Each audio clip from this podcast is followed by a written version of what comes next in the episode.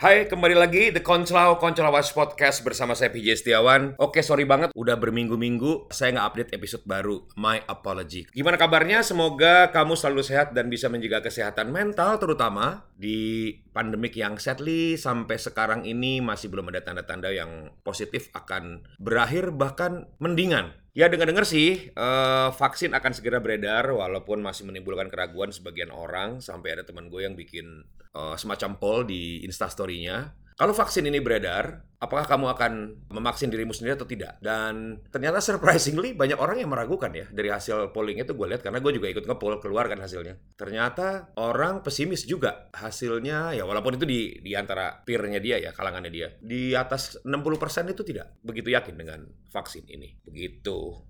Karena ya to be honest karena ya kita dengar juga kalau vaksin ini belum tentu cocok dengan segala varian kembangan dari COVID-19 yang beredar. Kan beredar tuh, jadi uh, COVID-19 ini udah mutasi lah, udah berkembang menjadi ada beberapa varian lah. Kemudian jika disuntikan dengan uh, vaksin yang nanti kita dapat, umpamanya vaksin jenis A, ternyata vaksin yang jenis A ini begitu kena uh, COVID yang jenis B, dia akan malah memperburuk. Nah itu yang membuat sentimen orang, uh, antisipasi orang terhadap vaksin ini menjadi kurang bagus. Itu menurut gue. Tapi entahlah mana yang benar, daripada kita stres, mendingan kita ngomongin yang fun-fun aja. Kali ini episode dari The Konclaw, Koncolawas Podcast bersama PJ Setiawan. Cuman saya aja seorang yang akan muncul dan ngecemes untuk kamu dengerin. Mudah-mudahan kamu nggak bosen dan saya akan ngebahas semacam rekapan apa aja sih yang terjadi belakangan beberapa minggu ini. Jadi kalau kamu dengerin saya ngomong sendirian ini, bayangin aja kamu lagi dengerin koncolawas kamu atau koncelau kamu ngecemes di voice note atau voicemail box. Masih musim gak sih? Tapi kok durasinya panjang banget. Ya udah, nikmatin aja ya. anyway, um, belakangan ini uh, gue punya favorite quote terutama dua bulan terakhir ini, yaitu dipikir sambil goes ae. Seperti kamu tahu, kalau kamu follow Instagramku yang PJ Setiawan, nyambung ya, PJ Setiawan. Isinya kegiatan goes menggoes aja belakangan ini. Malah gue lima kali seminggu goes coy, keliling Surabaya berbagai macam arah penjuru angin gue jabanin bersama teman-teman goes gue, yaitu Sophie Bike Club. Nah, uh, balik lagi ke goes, karena dipikir sambil goes itu kita bisa dapat inspirasi paling tidak kita bisa hahi sama temen goes kita ketika kita break atau di pit stop berhenti sambil ngopi atau sambil sarapan. Kita juga bisa dapat inspirasi kopi mana aja, tempat ngopi di mana aja di Surabaya yang buka pagi jam tujuan, oke, atau jam 6 ke atas lah ya. Kemudian uh, kita juga bisa mendapatkan informasi terbaru tentang uh, teman-teman kita yang lain alias kita bergibah. Wajar ya kalau udah kumpul, pasti ada gibahnya walaupun sedikit. Kebetulan rombongan gua nggak suka bergibah. Paling bergibahnya adalah tentang part sepeda dan ini menimbulkan inspirasi racun-racun baru, upgrade sepeda apa yang harus dilakukan selanjutnya. Ini, berbahaya sekali saudara-saudara ya, oke? Okay? Lagi susah begini, upgrade-upgrade melulu ya kan? Teman-teman gue juga pada bininya pada dikibulin tuh seringnya tentang upgrade part sepeda, beli ini beli itu dapatnya bilang dari itulah dari inilah, teman titip dulu lah apa segala macam, macam-macam lah intinya. Karena bininya ngomel kalau dia beli part sepeda atau upgrade sepeda terus. Dan juga yang paling penting ketika kita uh, melakukan kegiatan bersama-sama dengan sebuah komunitas dibalut kegiatan olahraga atau tidak, kita paling tidak bisa mendapatkan ada pandangan tentang business opportunity. Why not? Ya kan? Semua menjadi mungkin. Apalagi kalau orbit community kita lebih dari satu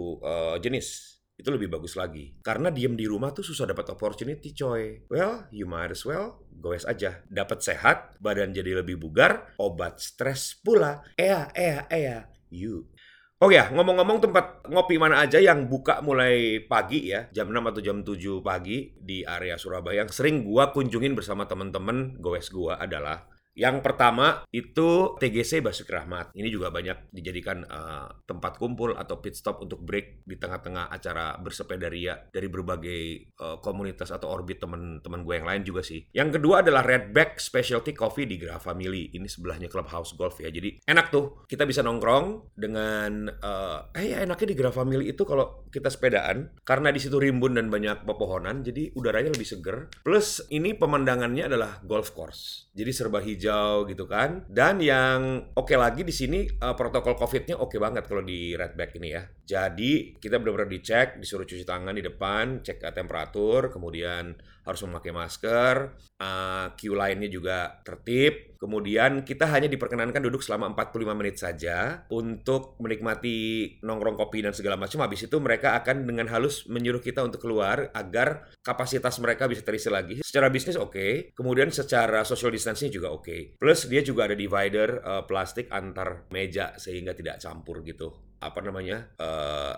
muncrat-muncratnya orang, droplets-droplets yang bisa menimbulkan potensi untuk tertular COVID. It's good. Plus mereka juga uh, selama pandemi ini mereka bikinlah ada layanan drive-thru-nya. Jadi mereka banyak memikirkan banyak hal. It's good. Kemudian berikutnya adalah Tanah Merah Trunojoyo. Nah, di sini yang menarik adalah ada combo breakfast menu free coffee. Ini bukanya tiap uh, hari jam 7 pagi setahu gue. Kemudian ada juga kopi komunitas ya punya teman gue nih di Ngagel Jaya Selatan 127. Nah kalau ini uh, buka paginya hanya weekend saja, Sabtu Minggu. Jadi bukanya jam 7 pagi. Oke. Okay. Kemudian ada juga yang biasa gue tongkrongin sama teman-teman adalah uh, tempat kopi namanya Eji di Kelampis. Oh ya, tentang Eji ini suasananya ala Jepang-Jepang gitulah kalau buat kamu yang belum tahu. Ada beberapa cabang kok udah di uh, Surabaya buka. Setahu gue ada di Margorejo, kemudian ada juga di Surabaya Barat itu mana tuh yang deket Ngesong ke kiri tuh. Jalan apa tuh namanya? Kumang Indah ya? Ya ya daerah situlah pokoknya. Oke. Okay? Terus entah ada cabang mana lagi. Cuman ya setahu gue sih yang buka pagi adalah Eji yang di Kelampis. Kalau yang di tempat lain gue belum tahu. Nyun Sewu tidak bisa memberikan informasi yang valid karena gue emang belum experience, oke? Okay? Untuk nongkrong di cabang yang lain. Uh, ada juga kita bisa nongkrong mulai pagi kalau di Taman Bungkul tuh di warkop yang bagian belakang itu juga buka mulai pagi ya. Uh, tapi walaupun rada rame tuh ketika weekend dan banyak orang, kalau kamu nggak serem sih nggak apa-apa. Tapi ya itu tergantung selera lah ya. Kemudian ada uh, tempat ngopi dan sarapan di parkiran Sahid Hotel Gubeng. Gue lupa apa namanya. Yang jelas yang punya vendor kopinya di situ tempat kopinya adalah teman gue, teman gue SMA, si Tri Ambarwati. Oke, okay? hari sempat kontak-kontakan dan dia ngasih info kalau kalau buka paginya hari Minggu saja sih gitu. Kalau hari biasa dia bukanya rada siangan, kayaknya jam 10 gitu. Untuk uh, namanya aku lupa yang jelas nggak cuma ada kopi aja, ada yang jual bubur Manado, ada yang jual makanan-makanan lainnya juga. Kamu coba deh uh, tempat kopi dan sarapan di parkiran Sahid Hotel Gubeng. Terus uh, selanjutnya next recap for the last two weeks apa ya? Oh iya, tentang kalau kamu sempat dengerin uh, podcast yang edisi adikku yang si Adit tuh, adikku si Adit yang positif COVID, Nah, buat kamu yang pernah nanyain juga by DM segala macam gimana kabarnya dia. Alhamdulillah eh, berkat doa teman-teman, doanya keluarga juga semuanya kita doain dia. Dia baik-baik saja, dia sudah negatif setelah di swab tanggal 4 Oktober dan tanggal 5 Oktober dia sudah kembali lagi ke keluarganya gitu loh sudah dan sekarang udah beraktivitas dengan normal. Dan kalau nggak salah sih terakhir gua ngobrol sama dia tuh dia lagi sibuk mainan mixer sama oven ya. Karena dia baru beli uh, kompor gas baru yang ada ovennya. Karena emang dia ini anak uh, walaupun laki dia dari kecil tertarik dengan uh, masak memasak dan membuat kue ya emang nggak maco sih interestnya tapi hey he's a cool baby brother dan uh, he's a great dad. Oke, okay. mudah-mudahan lu denger ini. Gue muji lu nih di show gue, oke? Okay? Terus berikutnya um, tentu saja kita sering nonton ya. Aktivitas kita nonton, terutama nonton uh, video on demand dari berbagai macam platform kalau gue sih pakai Netflix ya. Uh, teman-teman juga juga banyak yang Netflix kayaknya Netflix and chill ini sangat chill banget ya di era, era pandemi ini. Uh, pastinya oke okay sih mereka banyak serial-serial baru yang kayaknya kalau apa namanya uh, gayanya Netflix tuh lebih yang sci-fi, ada-ada dark gitu theme-nya ya kan. Tapi kalau gue sih doyan nonton kayak Umbrella Academy, Black Mirror juga doyan beberapa episode ya. Beberapa episode gue rada nggak cocok sih. Maksudnya biasa aja gitu. Terus juga ada Unsolved Mystery. Terus mulai minggu lalu bosan juga ya nonton yang baru lagian udah nggak begitu dong gue dengan uh, bintang-bintang film baru maklum kita kan orang jadul ya kan jadi uh, aku coba untuk ber retroria mendengarkan uh, mendengarkan menonton film-film lama film-film jadul dan so far menurut aku ada dua film yang aku highlights dan menurutku most enjoyable. Yang pertama adalah film The Ugly Truth dan yang kedua adalah film Ghost of Girlfriend's Past. Oke, kita bahas sekilas tentang kedua film ini ya. Yang pertama film The Ugly Truth ini adalah film romcom tahun 2009 tentang seorang produser acara TV yang cantik, kaku, plus berbakat control freak yang bernama Abby diperanin sama Catherine Heigl yang akhirnya kecantol sama host dari segmen The Ugly Truth uh, bernama Mike Chadway yang diperanin sama si Gerard Butler. Nah kalau Gerard Butler lo lupa dia adalah yang sangat memorablenya dia adalah ketika dia ngomong gini This is Sparta sebelum orang masuk sumur. Nah itu dari film 300 ya yeah, that's the same guy. Nah anyway uh, si host Mike Chadway ini dia punya segmen namanya The Ugly Truth. Jadi Ugly Truth ini semacam kayak segmen yang ada di dalam kayak semacam morning show-nya sebuah TV di kotanya ini gue lupa kota apa ya. Yang jelas segmen ini hampir sama kayak The Weather Report, kemudian ada yang tentang hard news segala macam. Yang ceritanya tentang uh, si Mike Chadway ini mengungkapkan berbagai macam hal yang merupakan adalah the ugly truth tentang relationship dari laki dan perempuan. Jadi ngomongin lebih ke dark side of the relationship of men and women. Memang hubungan laki-laki dan perempuan adalah hubungan dua orang yang paling rumit seantero jagat raya ini, memang. Oke. Okay? Terus uh, yang menarik dari film ini uh, adalah lucu sih ngelihat dynamics dan juga chemistry on screen dari Catherine Heigl dan juga Gerard Butler. Dari mereka berdua tokoh-tokoh yang mereka peranin dari pertama kenal, rada benci-benci gitu, rada sebel-sebel gitu, akhirnya makin dekat uh, dan akhirnya kecantol. Cinta emang bekerja dengan cara yang misterius. Hihi. Terus my favorite quote from the movie is the truth is never pretty. Dan uh, morals uh, from this movie menurut gue adalah kalau emang wayai, yo ya wayai. Rencana sama kenyataan sering beda coy.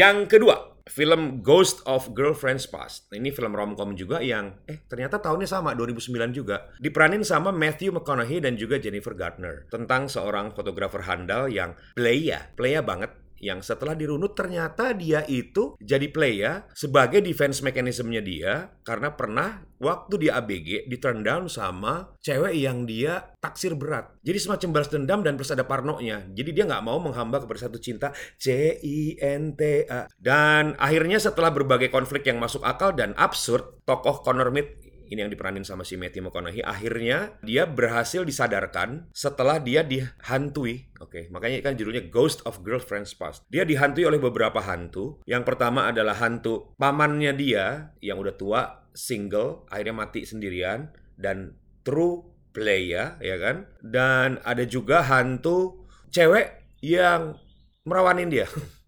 Oke merawanin dia. Oke, ini sebenarnya phrase yang gue nggak begitu suka. Cuman ini adalah the best way to express it. Terus ada juga hantu dari cewek-cewek yang dia modusin selama ini sepanjang hidupnya. Dan akhirnya karena uh, berkah dari berbagai macam hantu yang menghampiri dia dan memberikan dia pencerahan tentang how life and love should be, si Connor Mead ini akhirnya menemukan kembali jalan ke cinta sejatinya yaitu si perempuan yang pernah turn down dia ketika dia masih ABG. Siapakah dia? Penasaran? Kamu belum pernah nonton atau pernah nonton tapi lupa, kenapa nggak nonton lagi film lama? Menurut gue film-film lama, romcom-romcomnya tuh dahsyat banget gitu loh. Entah dari era 80, 90, maupun dari era tahun 2000-an begitu. Jadi tonton aja ya kalau kamu minat Ghost of Girlfriend's Past. Dan my favorite quote from this movie yang jadi punchline dari segala runtutan storyline-nya adalah ini nih. Rada panjang nih ya, oke? Okay? Someone once told me that the power in all relationship lies with whoever cares less. And he was right. But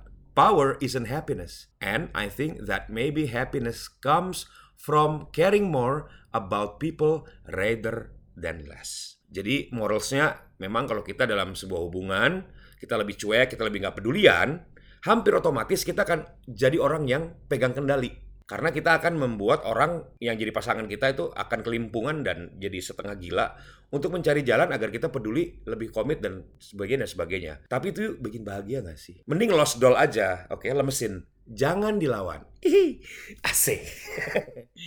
Itu tentang um, menurut gue film lama yang memorable gue tonton selama beberapa minggu terakhir. Dari sekian beberapa film lama ya gue tonton. Dan sekarang kita ngomongin tentang hal viral terbaik menurut gue selama beberapa minggu terakhir. Oke, yang pertama adalah video tentang pesepeda yang komen tentang Omnibus Law lu pasti dapat deh karena ini ini video ini viral banget di semua grup yang gua hadiri itu 80% repost video ini tentang seorang pesepeda yang kepelincuk lambene alias salah ngomong omnibus law menjadi Meligus Law. Salah apa juga si Meligus Law namanya dibawa-bawa ya kan? Mana terus dia mengucapkan kata menyengsarakan dengan kepelincak-kepelincuk gak karu-karuan ya kan? seperti yang pernah dilakukan sama salah seorang menteri kita. Kalau nggak salah, Menko Polkam kita pernah juga kepelincuk di kata menyengsarakan ini. Dan itu juga sempat viral, tapi udah lebih lama ya kan. Menurut gua ini uh, video yang oke, okay, salah satu yang terbaik yang viral di Indonesia belakangan ini. Karena video ini acceptable buat lu yang pro maupun lu yang kontra tentang demo omnibus law. Karena kita tahu sendiri kan belakangan opini terbelah dua. Mungkin belah tiga atau belah empat atau belah pinggir ya kan? Tentang omnibus law. Ada yang setengah percaya eh setengah setuju ada yang setuju ada yang kontra ada yang setengah kontra dan sebagainya dan sebagainya ya kan? Bahkan saling mengeluarkan berbagai macam opininya di sosial media dengan segala macam argumentasinya kalau gua mah nggak penting menurut gue, nggak merubah juga nasib gue dan gua nggak penting uh, engkel-engkelan sama orang gitu ya. Sampai ada yang tweet war atau komen-komen perang komen di Facebook tentang hal-hal yang bersifat politik ini. Nggak guna, buang waktu, ya nggak sih? Itu sih menurut gue, nggak tahu menurut lu ya. Terus uh, hal yang viral kedua menurut gua adalah ya, the best viral thing. The second one is tarik sis, semongko. Ini uh, gokil banget karena versinya udah banyak banget yang ngeluarin ya. Dari mulai versi animasi, ada yang versi percakapan WhatsApp, ada yang versi anaknya lagi nangis minta apa gitu terus dibilang tarik sis. Anaknya sambil nangis semoga itu itu lucu banget ya kan Jadi interpretasinya bisa macam-macam ya tentang catchphrase tarik sis mongko ini. Uh, apakah berhubungan dengan sis sister? Apakah berhubungan dengan sis sis toko online? Atau berhubungan dengan sis siska yang itunya berukuran kayak semongko? I don't know. Entahlah Cin. Udah ah, it's time to wrap things out. The Koncolau, Koncolawas Podcast. Saya akan tutup uh, episode ini dengan sebuah parian. Kalau goes menjelang siang, terbitlah rasa dahaga membara. Tarik sis, semongko, sampai jumpa. Gak nyambung yuk.